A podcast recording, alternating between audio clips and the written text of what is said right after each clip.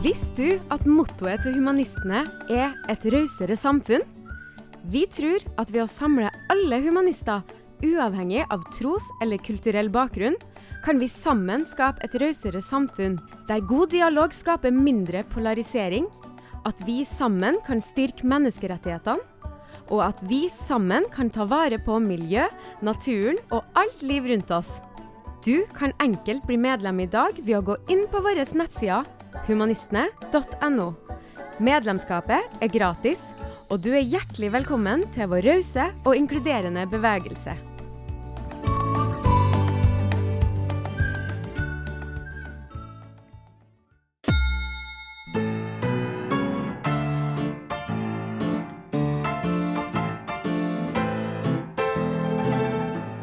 Velkommen til Raushetspodden, en podkast produsert av og med Humanistene.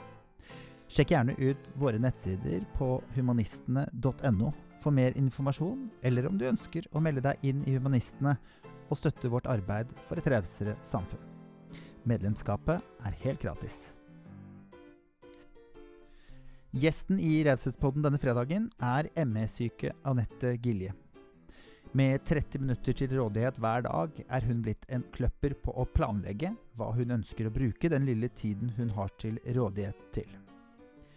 For ingen skal si at hun ligger på latsiden, selv om livet har skjenket henne begrenset kapasitet. God lyttings!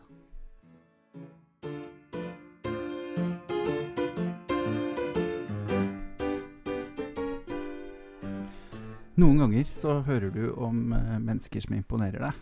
Og noen ganger så hører du om mennesker som imponerer deg veldig. Og i studioet mitt nå så har jeg en dame som imponerer meg veldig. Velkommen, uh, Anette Gilje. Men tusen takk for en introduksjon. ja, og den fortjener du også. Det er jo sånn at jeg bruker litt tid uh, på litt research og finner litt ut av folk. Uh, og det pleier som oftest å være spennende. Men noen ganger er det jo veldig spennende, da. Man kommer liksom inn i en hel verden. Um, og jeg vil si, uh, starte med å si, du er MS-syk, men du er jo mye mer enn det. Du er forfatter. Du er dokumentarist, eller i hvert fall vært deltatt i en dokumentar. Du er musiker. Du driver eget forlag. Du driver eget musikkforlag også, det er vel ikke det det heter, men uh, du skjønner hvor jeg vil. og alt dette gjør du på veldig knapt med tid. Kan ikke du fortelle litt om deg sjøl, Anette? Ja, det er jo sant alt det du sier. Eh, jeg har en arbeidskapasitet som er ca. 30 minutter hver dag eh, i snitt. da, Og den prøver jeg å bruke på noe som jeg syns er spennende, og som er viktig for både min og andres livskvalitet, mm. forhåpentligvis. Det er jo et lite tankekors for resten av oss som bruker bort tiden vår for mye tull, da. Jeg, nå snakker jeg for meg sjøl, selv, selvfølgelig. Skal ikke dra inn, skal ikke dra inn noen andre her. men, men, jeg gjør jo det. Jeg er ikke så god til å, å, bruke tiden min. Du har en halvtime hver dag aktivt som du kan gjøre noe, og så får du til så mye. Ja, for jeg ligger jo og planlegger uh, på sofaen. Mm. Jeg er mm. veldig glad i å ligge på sofaen, for det mm. betyr at jeg har klart å stå opp. Kommet meg ned trappa, drukket kaffe og liksom klar for en ny dag. Gjort noe, ja. Ja, Og så ligger jeg og tenker og jeg, det er et privilegium å kunne tenke ut hva, hva, jeg skal gjøre for å maksimere livskvaliteten mm. innenfor de rammene jeg har. Og da er det gøy å legge en plan og se at hva jeg kan klare å få til på trass og på tross. Fordi Vi kan jo begynne litt med din historie, så lytterne blir med. Du fikk kyssesyke. Stemmer det? Ja, og da var jeg 26 år. 26 år. Og så hadde jeg fått fast jobb og kjæreste og tenkte nå begynner voksenlivet. Det er nå det skal starte. Yes, Kjøpt ja. meg leilighet og bodde der alene og tenkte nå er livet i gang. Mm. Og så, og så blir du sjuk. Ja. Det tok en brå vending. Eh, jeg ble jo veldig syk av kyssesyken. Og det at jeg bodde alene og var som blitt voksen, gjorde jo at jeg ikke hadde noen å henvende meg til. Så jeg gikk jo i sånn kjempehøy feber og litt jeg, jeg, følte meg nesten sånn komatøs, for jeg falt ned i en sånn rar situasjon hvor jeg ikke orka å prate eller snakke eller ta vare på meg sjøl. Så jeg var ordentlig syk. Og så ble jeg litt bedre etter hvert, men jeg har aldri kommet meg helt. Og du skjulte det for familien? Du skjulte det for vennene dine? Ja, fordi det var ingen som kunne gi meg svar på hva det var. Og da er det jo vanskelig å snakke om. Fordi jeg fikk jo veldig mange råd som jeg prøvde å følge, som viste seg å være dårlige råd. Og når jeg erfarte det, så fikk jeg ikke lyst til å fortelle mer.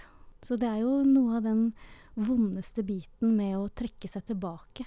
Eh, det har vært det største savnet mitt, at jeg har gått bort fra det som jeg egentlig trenger.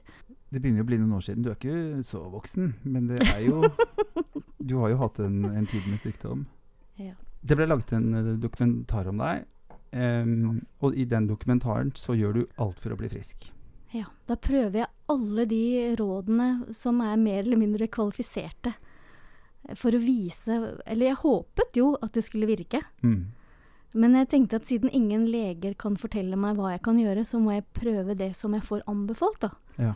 For det som skjer, er at du går til legene dine. Ja. Du ber om å få komme til en spesialist i Bergen, Yes. og den er det ingen som vil sende deg til. Nei, jeg henviste meg selv. Ja. Det var ingen som hadde tro på det.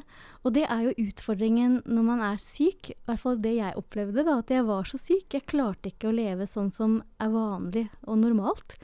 Og når legen ikke finner noe feil, så vil ikke de fortsette å lete.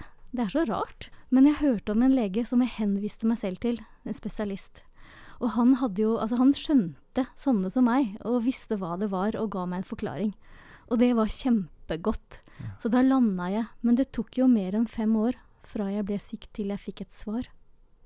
Men hva skjer inni deg når du møter et menneske som tror på deg for første gang? Ja, det var helt fantastisk. Jeg følte at jeg fikk livet tilbake. Eh, og jeg følte at jeg ehm, jeg- det, det, det, var, det var så stort at jeg mangler ord.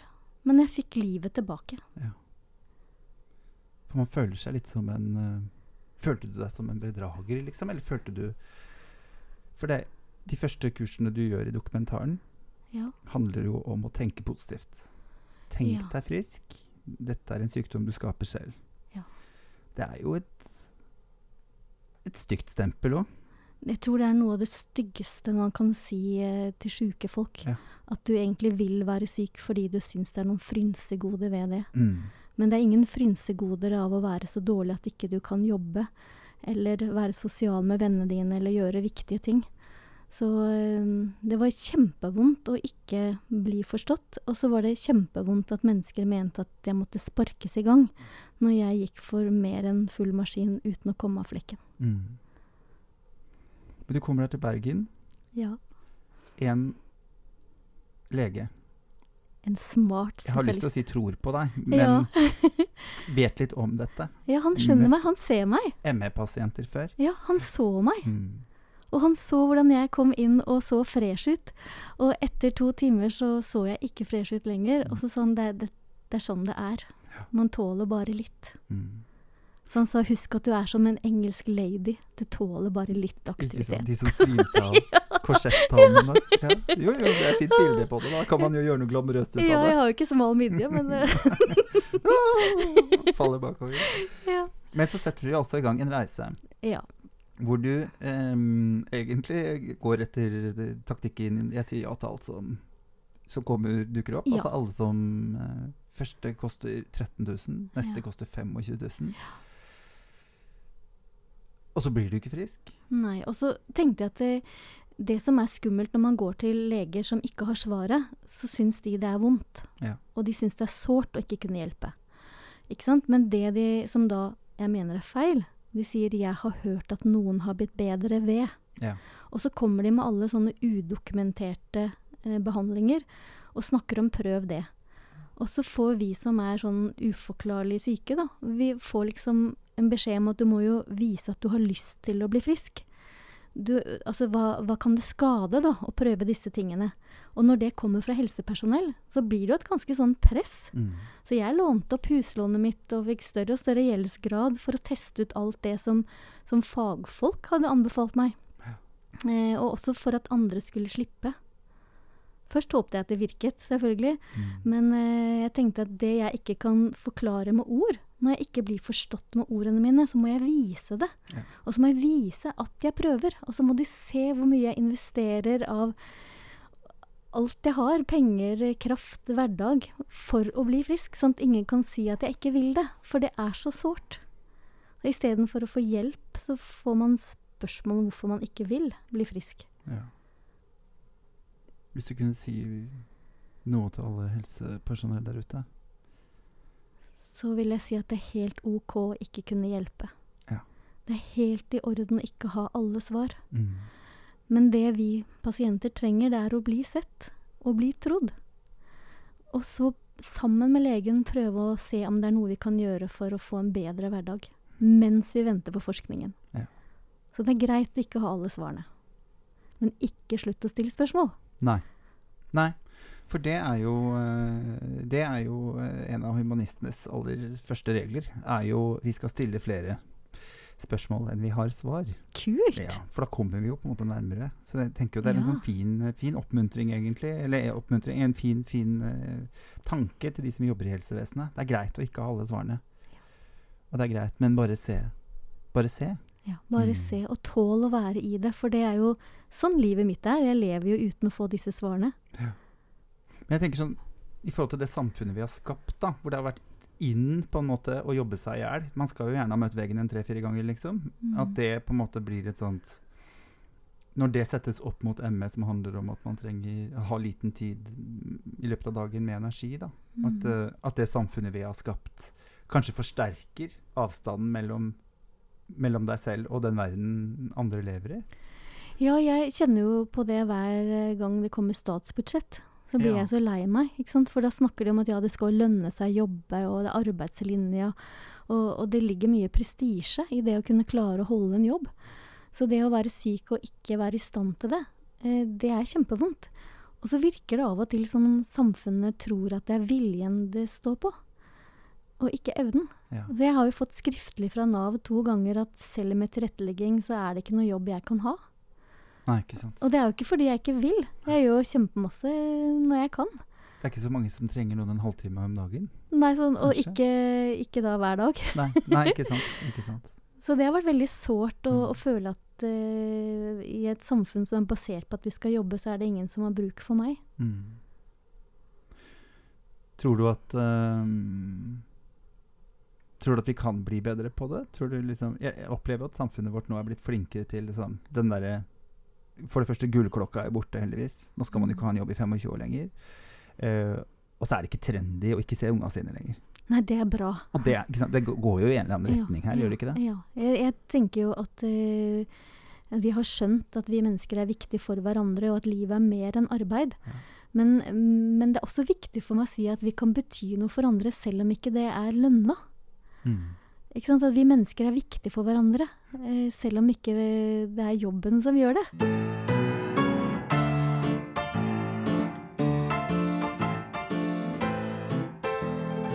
Du er eh, musiker, og for meg så var ditt eh, navn ukjent. Men for mine musikervenner så er det ikke det. Og så gøy! Ja, så for de var det sånn Å ja, hun visesangeren. Ja ja, hun som lagde de små snuttene. Fordi greia er at du orker ikke å høre på musikk lenge av gangen. Nei, jeg har vært du virker jo som en go-getter. Altså sånn Hvis ikke det fins, så lager jeg det sjæl. Ja, det Ja. er sånn jeg tenkte. Kan du ikke fortelle hva skjedde? ja, jeg var jo veldig lydsensitiv i mange år. Mm. Og først så klarte jeg ikke å stå og synge i koret, ikke sant? for jeg måtte sitte, og det så så dumt ut. Og så til slutt så orket jeg ikke alle lydene i koret heller. Og da, da ble det veldig stille liv. Og til slutt så syns jeg at farsen bråka. Sant? Da er man veldig lydsensitiv. Ja, ja. Men eh, så fikk jeg det voldsomme savnet etter musikk. Og så klarte jeg bare å høre ja, en tredjedel sang, da. Hvis det var på radioen eller på Spotify. Mm. Og det er kjedelig. Ja, ja, ja. Og så tenkte jeg nå skal jeg lage sånne korte sanger, sånn til og med jeg orker å høre hele. og så skal det være sånn at jeg kan høre på veldig lavt volum, og likevel få med teksten. Ja. Og det har jeg lagd så det heter Stille sanger. Stille sanger, ja. Ligger på Spotify. Det er fine sanger. Hva er tematikken? Det er på en måte konsentrert erfaringer fra det stille livet. For eksempel en av tekstene som er 'Ikke glem den jeg var før'. Inni meg er jeg den samme. Mm. Og det er sånn jeg synger jo til meg selv òg, at jeg må huske på hvem jeg er. Uavhengig av hva jeg klarer å prestere, da. Ja. Og så er det den teksten som jeg også syns har vært veldig eh, viktig nå i koronatiden, da. Ikke sant? Det at eh, jeg synger 'Kan du gi meg en klem'? Jeg føler meg så langt borte fra folk. Ja. Jeg lengter etter å høre til. Mm. Og det har jeg kjent på i veldig mange år. Og nå er det andre som dessverre er blitt satt inn i den situasjonen at vi ikke har kunnet klemme hverandre. Men nå er det heldigvis lov. Jeg hadde lyst til å invitere deg til Raushetspodden fordi jeg opplever at um, mye av det du gjør, handler om at du sjøl ønsker å bli frisk, men også at du ønsker at det skal bli lettere for de som kommer etter deg. Ja. Hva er raushet for deg? Det kan være veldig mange ting, men eh, i det siste så har jeg tenkt på, på det oppleves raust å bli sett. Og så oppleves det raust at min virkelighet ikke blir stilt spørsmålstegn ved. Og det er jo sånn jeg har lyst til å være med andre mennesker òg, ikke sant. At jeg har lyst til å høre hvordan de har det. For vi er jo Vi har jo fordommer i oss som er helt naturlige. Vi kategoriserer hverandre. Eh, men når vi begynner å åpne øynene og se, så forsvinner de jo som dugg for solen, og det er så herlig. Så for meg så er raushet det at jeg vil høre det du sier, og jeg vil forstå hvem du er og hva du tenker. Eh, og da kjenner jeg at når jeg kan eh, eh være åpen da, og empatisk, så kommer den rausheten automatisk. Altså, det går ikke an å ikke være raus med mennesker du ser. Det var fint. I hvert fall grunnet litt på det, da. Ja, for det er jo eh, Ja, det er noe med å Vi har jo to øyer. Ja, hvis du ser med empatien og, og skjønner hvor, hvordan folk har det, så, så um, er det ganske sterkt. Jeg husker da jeg var liten, så bodde vi i Amerika. Eh, og vi var uh, på besøk i en sånn indiansk eh, landsby. Spennende. Eh, ja, det var Ja. kjempespennende. Kult. Og så fikk jeg sånn Nå er jeg ikke veldig god engelsk, men jeg fikk en sånn um, hustavle som sier Don't criticize your neighbor Ja. until you have walked a mile in his moccasins. Moccasins. Moccasins. og eh, jeg var vel bare fem år den gangen, men det gjorde så inntrykk på meg. Fordi de fortalte meg at de mokkasinene som indianerne brukte, de kjente hver en stein. Ja. Altså kjente underlaget veldig, veldig godt. Så vi sier jo at den vet hvor skoen trykker som har den på. Så tenker vi på skoen som er en begrensning. Men for indianerne så var det et tegn på at ikke kritiser noen, for du vet hva de går på. Ikke sant? Hva, Mm. hvordan de har det, hvilke utfordringer de kjenner. Og det har blitt med som en leveregel i livet mitt som, som hjelper til på en raushet. Hva skal vi gjøre da for å bli rausere mennesker? Hvis vi skulle startet i morgen? Tørre å se hverandre og stille de spørsmålene. Og skru på empatien. Det er en veldig god hjelp. Hva er empati? Ja, det er jo et kjempegodt spørsmål. For meg så tenker jeg at det er en um, eh, Hvis jeg har lyst til å være empatisk med deg, så vil jeg forstå hvorfor du tenker som du gjør. Jeg er interessert i din sannhet om deg. Eh, og din kontekst. Jeg har lyst til å forstå deg. En vilje til å vite hvordan du har det, hvis du vil dele. Ikke sant? Så er jeg her, for jeg vil vite, jeg vil forstå. Mm. Og jeg vil bry meg. Min lærer sier det veldig fint. Um, empati er uh, resultatet av din skam. Oi, kan du forklare det litt mer? Ja, Det var ja, kult. Det er veldig fint. Ja. Hun er veldig opptatt av at man skal For jeg tenker du har jo Jeg opplever at du har skammet deg en del. Ja, jeg har skammet meg masse.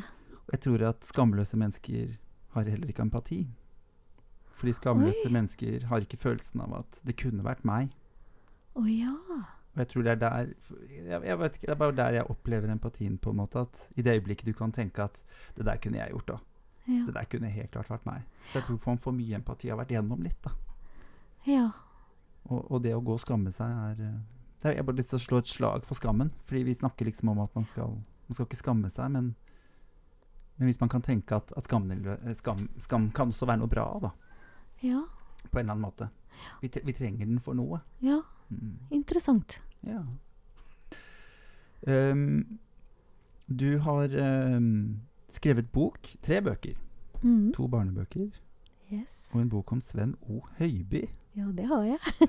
Faren til kronprinsessen. Hvor starta den? Ja, det, vet du, det startet faktisk da jeg lå på Rikshospitalet uh, og hadde en eh, mage- og, og tarmoperasjon. Uh, og så så jeg journalen min. Da var jeg 29 år, og så sto det Pasienten er overvektig, arbeidsufør, skilt og barnløs. Ja. Du, du, du. Ja. Nå er jeg ikke 29 lenger, da, men, men alt som står der, er jo fortsatt sant. Men jeg husker jeg tenkte når jeg leste det, da, at jeg er mer enn det. Jeg er et menneske. Eh, og de merkelappene gjør jo at folk behandler meg, dessverre, annerledes enn om jeg hadde hatt andre merkelapper. Og det syns jeg er veldig trist. Mm. Eh, og mange år etter så så jeg et bilde i VG av Sven og Høiby som sto avbilda eh, fra Kvartfestivalen sammen med Hank von Helvete og Turbo Neger.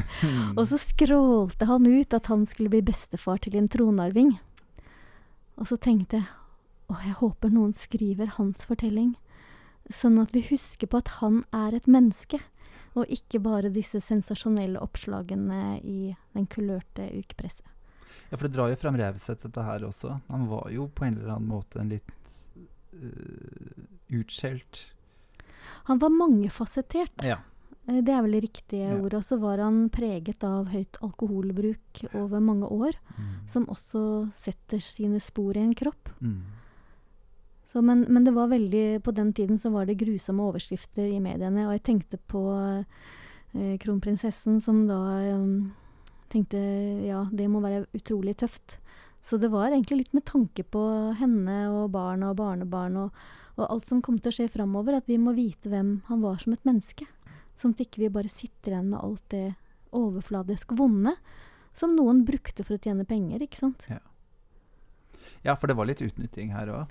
Jeg Ja. fikk du inntrykk av det? Ja, det var det. Mm. Og, og Håvard Melnes, som skrev veldig mange artikler i Se og Hør, han, han ba jo om unnskyldning etterpå. Eh, og han tatt et oppgjør med den journalistikken, og heldigvis så ble det jo ryddigere og bedre etterpå. Men det var veldig tøft for eh, de som var eh, involvert den gangen. Så da tenker jeg at vi som storsamfunn må vise at vi ser. Altså, vi er flere som tenker, ikke sant. Eh, Så det var bare et lite bidrag i å ja, får fram noe som var viktig, da. Ja, For det første vil jeg si det er ikke et lite bidrag. Eh, boken er godt skrevet. Eh, og den forteller jo en historie om en mann som du sier er mangefasettert, som har sine ting. Eh, og samtidig så må jeg jo få lov å minne lytteren på en gang til at du har gjort dette med en halvtime dispons, altså tid i løpet av en dag. Ja, Du da, brukte god tid på det, men ja, tre og et halvt år brukte jeg på det. Men da hadde jeg bare et kvarter om gangen, faktisk. Mm. Men det gikk, det, altså. Ja. Så, det er det som er så spennende med tiden. At hvis vi er konsentrert, så kan man faktisk gjøre ganske mye hvis man følger en plan. Jobber vi for mye? Tror du vi kunne fått gjort mer? Det har, nå har det jo vært, eh, De testet jo Var det Island eller Finland? Island, tror jeg. eh, hvor de gikk ned til sekstimersdager, f.eks. Ja. da. For det har jo vært en politisk uh, sak. Ja. Hvor de får mindre tid, mer tid til andre ting. da. Og de sier jo at de fikk gjort akkurat like mye, om ikke mer. Ja, altså, jeg tror jo det Når jeg ser deg, så tenker jeg jo det. At da ville jeg kjørt inn firetimersdager. Fordi da hadde jo alle bare tø, jobba, Ja, altså, på. Det jeg tror vi går glipp av, da, eh, for å være ærlig, det er tiden til å tenke. Mm. For nå som folk lever så stressende og bruker mye tid på å scrolle på alle sosiale medier og, og, og liksom harve over overskrifter i alle aviser og, og alt, så får man ikke så god tid til å tenke og planlegge og finne ut av hva som er det viktigste. Mm. Så den roen til å tenke og tror jeg er kjempeviktig. Så før så tenk, tenkte jo folk, hvis de fikk en halvtime å vente på toget eller bussen, så sto de og tenkte.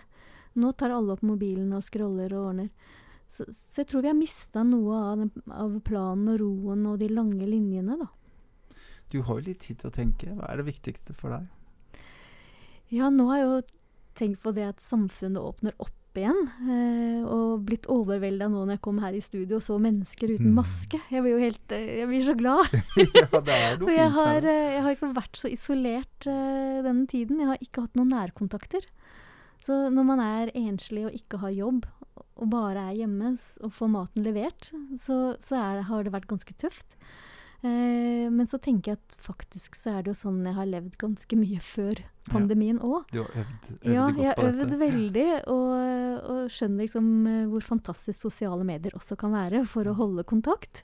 Og jeg er veldig glad for FaceTime. Ja, Og alle det tok meg litt tid før jeg skjønte det, faktisk. At det er jo faktisk like koselig å ta en kaffe over FaceTime. Ja, det, det hvert Man får ikke klemmen og man det- får ikke nærheten, men det er jo veldig koselig. Det er 70 tenker jeg, av, Ja, ja, av eh, erfaringen. Og vi hadde symøte på Zoom, og det var så kjempekult. Så jeg tenker på at samfunnet åpner opp igjen, og så tenker jeg på alle de som har hatt det bedre under koronaen. Mange har hatt det forferdelig, Ja. og det vet vi, og det snakkes det heldigvis om. Mm. Men så er det noen som har følt seg normale for første gang på lenge. Ja, ikke sant. Eh, og så har de kunnet Ja, det har følt at det ikke har vært så annerledes, da. Og det har vært stort. Og det, det at vi har lært oss opp til at ikke vi skal besøke hverandre hvis vi er syke, det er jo veldig lurt. Mm. Og sånn var det ikke før. Så jeg har jo, jeg har jo opplevd det noen ganger på Syforeningen, at de har spurt om jeg kommer. For hvis jeg kommer, så kommer ikke de fordi jeg er sjuke. Ja. Men hvis jeg ikke kommer, så tar de en Ibux, og så går de. ja, så kommer de likevel. Eh, så Så fint. ja. Men du har vært leder i ME-forbundet også? Ja, jeg Altså, var det er jo så mange generalsekretær. lag her, på en måte. Og du har vært sjef for en gravplass. Ja, kir Kirkegård. ja, jeg var kirkegårdssjef i Asker kommune. Hva gjør du som kirkegårdssjef? Du, det var Det en kjempefin jobb. Nei, det var kul. Det, det som jeg, jeg hadde jo hovedansvaret, da. Eh, Det var jo kommunal stilling. Mm. Så jeg hadde ansvaret for eh, hele kirkegården med alle som jobbet der ute. Og med urnenedsettelser og sånn. Ja. Eh, så når noen dør, så kan de jo velge om de skal gravlegges eller kremeres. Så jeg var med på å fordele gravplasser, og, og av og til måtte jeg megle, da. Eh, for noen eier et gravsted, og noen eh, har ansvar for den som er død. Og så blir de kanskje ikke enige om hvor vedkommende skal gravlegges. Og, så det var mange ting å holde styr på. Ja. Men eh, det som var så fint, det var å kunne være med på å gi en sånn verdig avskjed. ja, det skjønner jeg. Det er viktig. Mm. Tenker du mye på døden? Noen ganger så er jeg i en periode hvor jeg tenker mye på det. Eh, og nå har jeg en pappa som er syk med Alzheimer, så da tenker jeg jo mye på det og hva som skal skje og sånn. Men øh, øh, jeg er ikke noe redd for døden. Nei. Jeg har veldig avslappa forhold til det for min egen del. Men det er mye jeg har lyst til å oppleve før den tid. Før den tid, ja. ja. ja. Det kjenner jeg igjen. Det er vel kanskje der min dødsfrykt ligger. Ikke for selve døden, men for at alt jeg hadde lyst til å gjøre. Ja, ikke sant. Mm. Og det var sånn jeg kjente nå i vår, for da, da havnet jeg i en sånn kreftutredning, og det kom som et sjokk. Eh, og før jeg liksom fikk eh, roen etter eh, operasjoner og sånn, så tenkte jeg bare hjelp. Nå, hvis jeg dør nå snart, hva er det jeg skulle ha gjort? Ikke sant? Da ble det veldig konkret. Så tenkte jeg ok, testamentet må jeg skrive, for jeg har ingen barn. Eh, og så har jeg lyst til å rydde lite grann. Ja. Men så vil jeg skrive bok om de erfaringene jeg har gjort meg i livet. Det ble så tydelig for meg. Det er viktig å få gjort. Er det det du holder på med nå? Det er det jeg jobber med nå. Ja. Mm. For du sluttet i, på Grapeplassen? Ja, det var den siste jobben jeg hadde. Ja. Så eh, noen måneder etter at jeg sluttet, så fikk jeg så nydelig brev fra de som jobbet der. Så sto det 'Kjære Anette, vi savner deg her på kirkegården'. Ja. Og det er på en eller annen morbid måte veldig hyggelig. Det var litt nydelig. Ja. Og så syns jeg du sa det fint. Jeg snakka litt med deg hvor du sa det er jo litt sånn jeg har følt det. At jeg er en levende død. ja, og jeg er mer død enn levende i hverdagen, oppleves det som, da. Et, et, kanskje ikke døde mennesker tenker, men jeg, jeg ser i hvert fall ikke så livete ut eh, hele døgnet. Nei, men jeg skjønner at, det en, at du, den følelsen, liksom. Ja. Ja. Mm. Du snakker i dokumentaren om at du drømmer om å bli mor. ja. Og tenker Kan et barn ha en innendørsmor? Jeg syns det Ja. ordet var um, Det traff meg litt. Um, har du på en måte landa litt i den? Hvor, hvor tungt har den veien vært, liksom? Det har vært veldig sårt. Ja. For jeg har alltid drømt om å bli mor. Og jeg jobbet litt for barnevernet som besøkshjem. Det var veldig nydelig. Mm. Eh, og jeg er veldig glad i barn. Så, eh, men for å få barn så må man jo ha noen å få det med. I hvert fall tenkte jeg sånn først.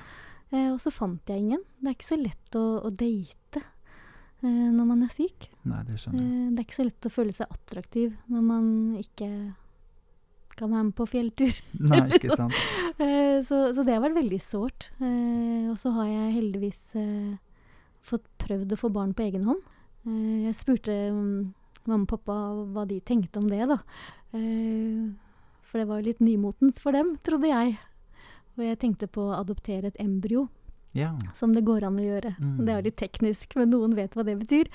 Eh, og så sa jeg til pappa, hva syns du om det? Og så smilte han så sånn, ja vi kommer jo fra bondeslekt, dette er jo helt vanlig landbruket. Ja, det er jo det.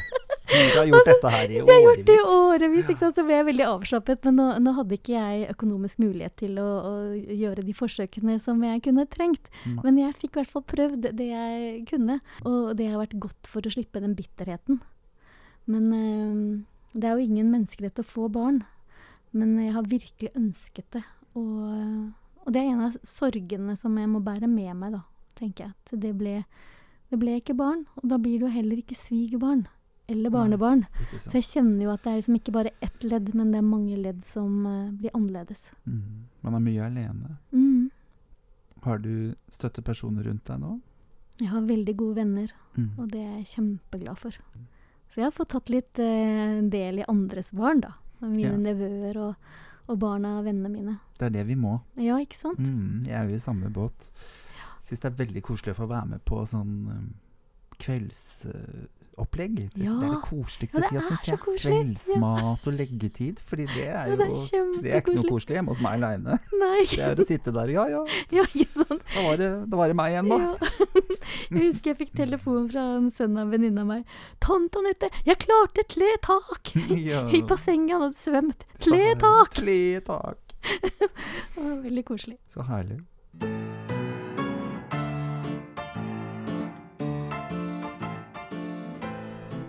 Em, hvis du kunne møtt deg selv før du ble sjuk, når du var eh, yngre, hva ville du sagt til deg sjøl da? Oi, oi, oi. Ja, det er et veldig godt spørsmål. Hva jeg ville sagt? Jeg tror jeg ville sagt pust ut. Og så ville jeg sagt tenk på hva som gjør deg lykkelig. Fordi jeg har vært veldig opptatt av å gjøre en forskjell. Men eh, da jeg var ung, så Jeg kom jo fra en kristen familie.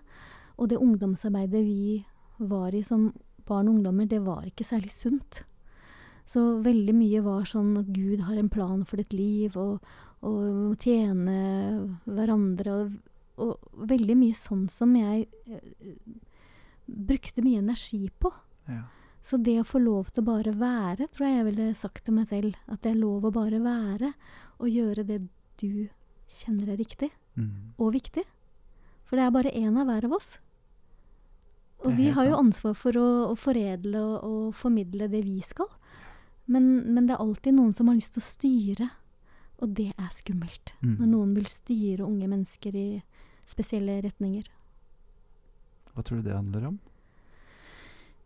Det kan jo være følelse av makt, ikke vet jeg, men jeg har egentlig ikke skjønt det som driver mennesker til å begrense andres liv. Nei. Jeg forstår det ikke. Hva slags forhold har du til ordet frykt? Så, hva legger, ja, hva legger du i ordet frykt, egentlig?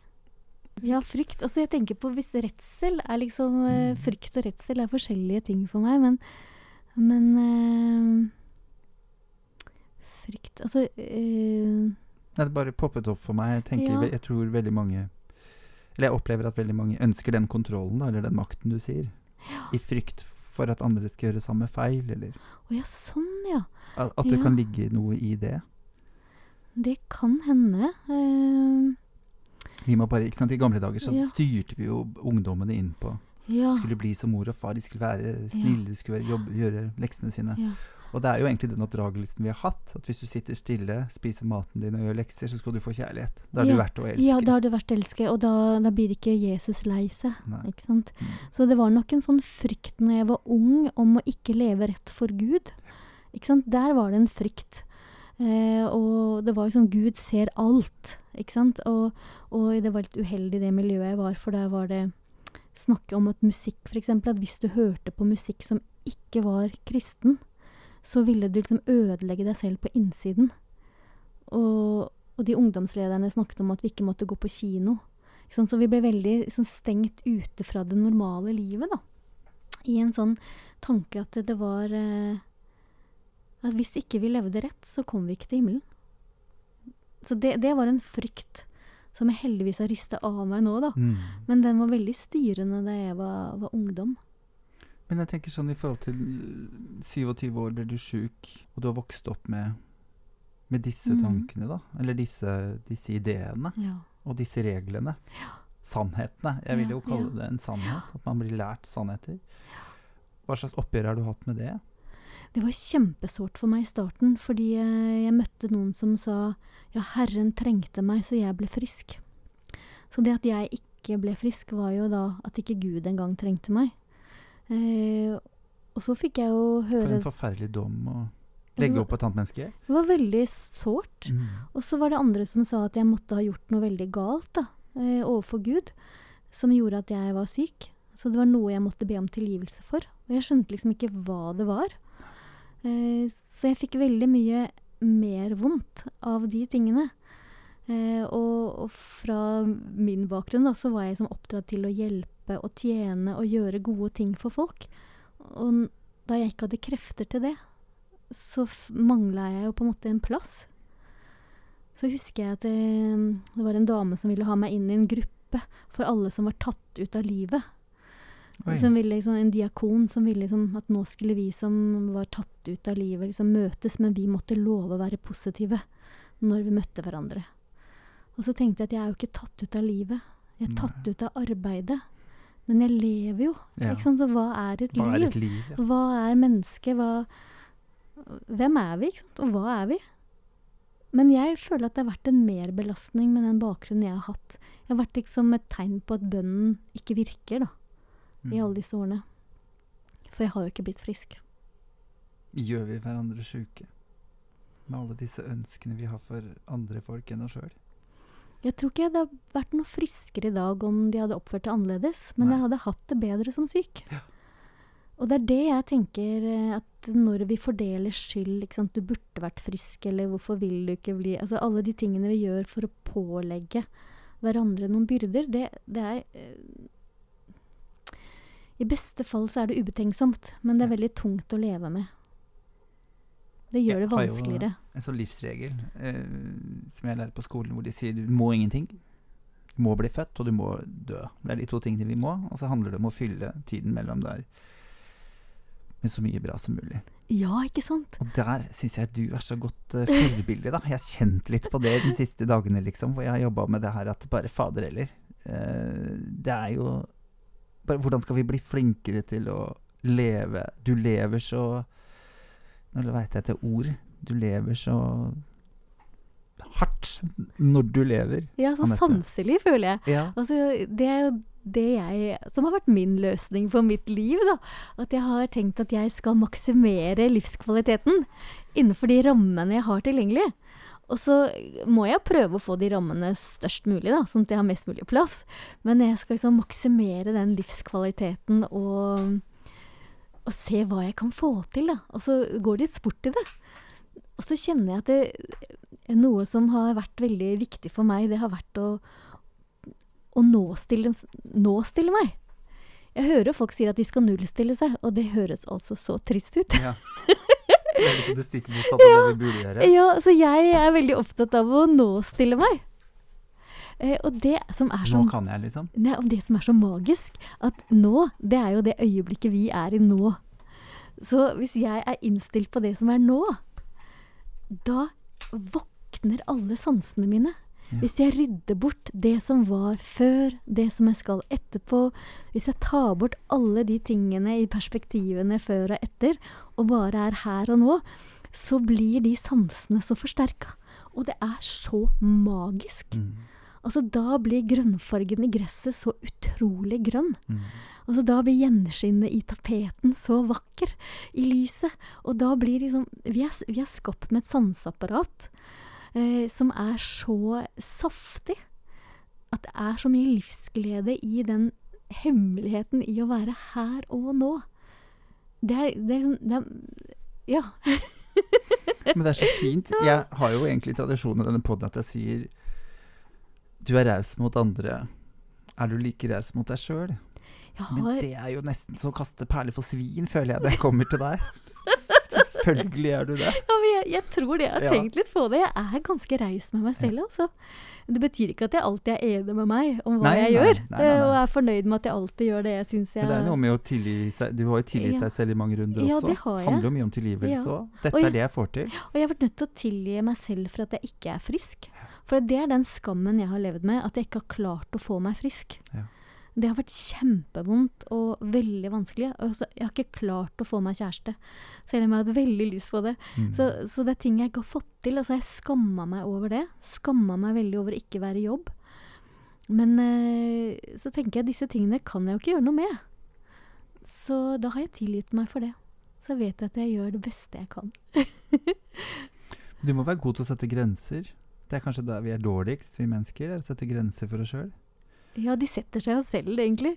Ja. Eh, Hvis jeg ikke klarer å stå, så Men det må jo ha vært en Jeg bare tenker det må jo ha vært en, en, en noe du må gjennom det også, på en måte. En periode hvor du kanskje sa ja mer enn det du egentlig klarte, og så endte du med å bli veldig veldig syk eller veldig veldig Ja. sliten. Så det Altså, må, jeg- jeg tenker, går på maks. ja. Jeg går liksom på maks alltid, men nå Det var et bilde jeg hørte om som er så viktig for meg. jeg må sjekke om det stemmer, men jeg hørte om en studie hvor de hadde masse gullfisk i en svær tank. Og gullfiskene svømte rundt og var lykkelige, hvis de kan være det. Det tror jeg faktisk. Men Mm. så satte de en glassplate midt i den. Så plutselig så svømte gullfiskene inn i den glassveggen. Og så, så svømte de, så lærte de hvor den var, og så svømte de på sin banehalvdel. ja. Men så tok de bort glassveggen, og så fortsatte fisken å være bare den ene halvparten. Så, så jeg har tenkt at det, mine begrensninger er på en måte en sånn, sånn usynlig glassvegg som har kommet ned i tanken hvor jeg svømmer. Og jeg må hele tiden finne ut hvor den er. Og nå har jeg lært meg å kjenne signalene, så jeg svømmer ikke i full fart lenger, for det, gjør så sabla vondt. Men jeg liksom må bort og snuse litt på den kanten, og så, og så kjenne at jeg bruker det rommet jeg har. Eh, og da, da kommer grensene, fordi da vet jeg jo hva som er for mye og for lite og, og sånn. Eh, og så er det det å forklare det til mennesker, og så blir jeg så lykkelig når folk tar det som en sannhet. Når ikke de overprøver meg og sier ja, men du må jo prøve å utfordre deg litt. Det hørte jeg senest av en lege. Du må jo prøve å utfordre deg litt. Og så tenkte jeg, kan du ikke spørre hvordan jeg tenker før du ber meg om å endre det? Kan du ikke liksom være så snill? Still flere spørsmål. Hør, hør på det jeg sier, Ja. ikke sant? For jeg, for jeg vet at hvis jeg svømmer i full fart mot den veggen, så slår jeg meg så mye. Men jeg vet at jeg utnytter den kapasiteten jeg har. Eh, og da, eh, etter mange år, så er det lettere å vite hvor grensene går. Så nå kan jeg liksom planlegge litt, da. Jeg opplever jo at hvis den veggen blir fjerna, så er du klar for å kaste Ja, deg løs. jeg så du har er jo planer. borti den veggen hele tida med Hanna. Er det? Er dette noe vi kan komme oss gjennom i dag? Ja, er det det?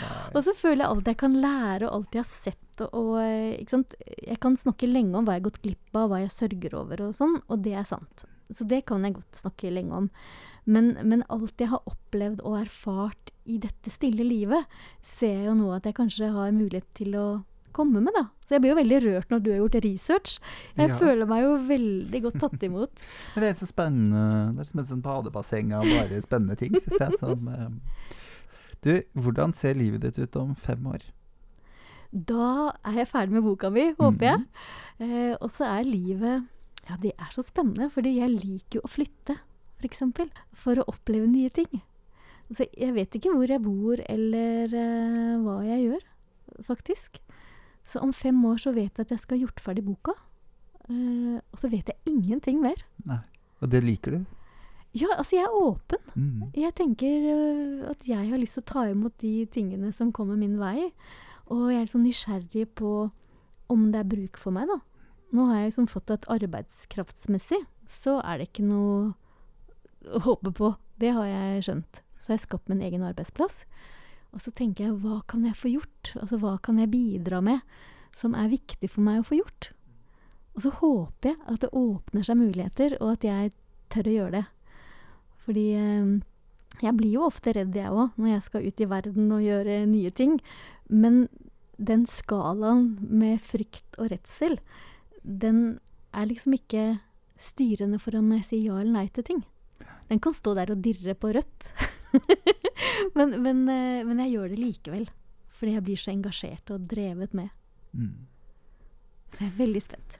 Ja, jeg kjenner jo eh, på en veldig inspirasjon. Eh, jeg heier jo på at vi skal jobbe mindre og gjøre mer på den tiden vi har. Sånn at vi får mer tid til å tenke. Jeg syns det var en veldig sånn fin ting. At vi ikke tenker lenger. Mm. Viktigheten av å tenke. Kanskje det er derfor vi har så vanskelig forhold til død også. Slo det meg i stad. Ja. Fordi vi, vi, har- vi har ikke vært gjennom disse tankene. Vi, bare, vi løper jo mot veggen. Det er det vi gjør alle sammen. Vi også har jo den glassveggen, men vi bare kjører på, vi. Og håper at vi ikke treffer den. Og håper at den er tatt bort. Ja, ikke sant. Vi har en liten tradisjon. Den lille, det første du sa når du kom inn i eh, studioet mitt her, var Ja. der står den lille rosa skåla. Ja, det er så gøy. Jeg har hørt om den, og den står her i virkeligheten. Den står der i virkeligheten. Ja, den er rosa. Her har jeg til og med putta inn litt sånn nye ord eh, oppi, så jeg syns det er litt sånn ord? spennende. Ja, ikke nye ord som Ja. at ingen veit hva de betyr, men eh, flere ord enn det som var oppi der i Ja. begynnelsen. Så kan ikke du bare plukke Den tror jeg var, den den var litt tykk. Ja, Det var jo stille, kanskje et langt ord. kanskje. Godt jeg har lesebrillene her i nærheten, da. Mm. Ja, det var gøy. Hva fikk du? Dialog. Dialog. Det var tøft. Hva er det første som hopper ned i hodet ditt når du hører det ordet? At det er vidunderlig, Ja. tenkte jeg. Det at vi kan snakke sammen. En dialog som har respekt eh, Altså mennesker som har respekt for hverandres synspunkter. Og eh, stille spørsmål. Det er kjempegøy. Jeg tror veldig mye hadde blitt eh, enklere for mange om vi hadde hatt disse gode dialogene. Og tørre å utforske litt sånn annerledeshet. Og, og si at det, det var uvant. Liksom, kan du forklare litt om disse tingene? At vi kan snakke med hverandre. Det tror jeg er eh, tror jeg er bra. Det minner meg om et ord jeg lærte om interkulturell læring. Ja, det var tungt. Ja, det var langt, men, men eh, de sa at det var, det var å eh, se på egne fordommer og møte dem. Eh, og da endres de. Da forsvinner de. Og det skjer jo for meg i dialogen. At når vi møter hverandre, så forsvinner de som fordommene vi lærer av hverandre kulturelt og menneskelig. Ja. Og det er superspennende. Ja, det er det. ja til dialog. Ja til dialog. Mer dialog. Veldig fint.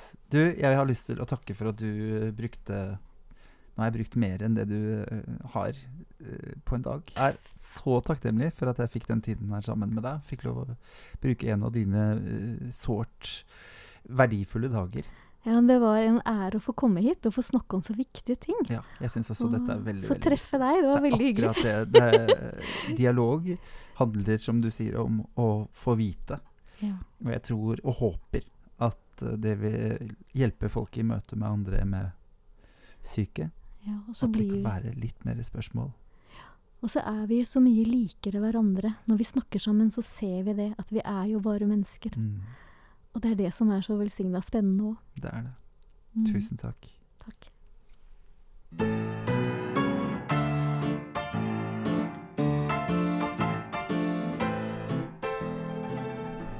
Du har hørt på Raushetspodden, en podkast produsert av og med Humanistene. Vil du vite mer om Humanistene, gå inn på hjemmesiden vår humanistene.no. Da gjenstår det bare for meg å si ha en riktig god helg.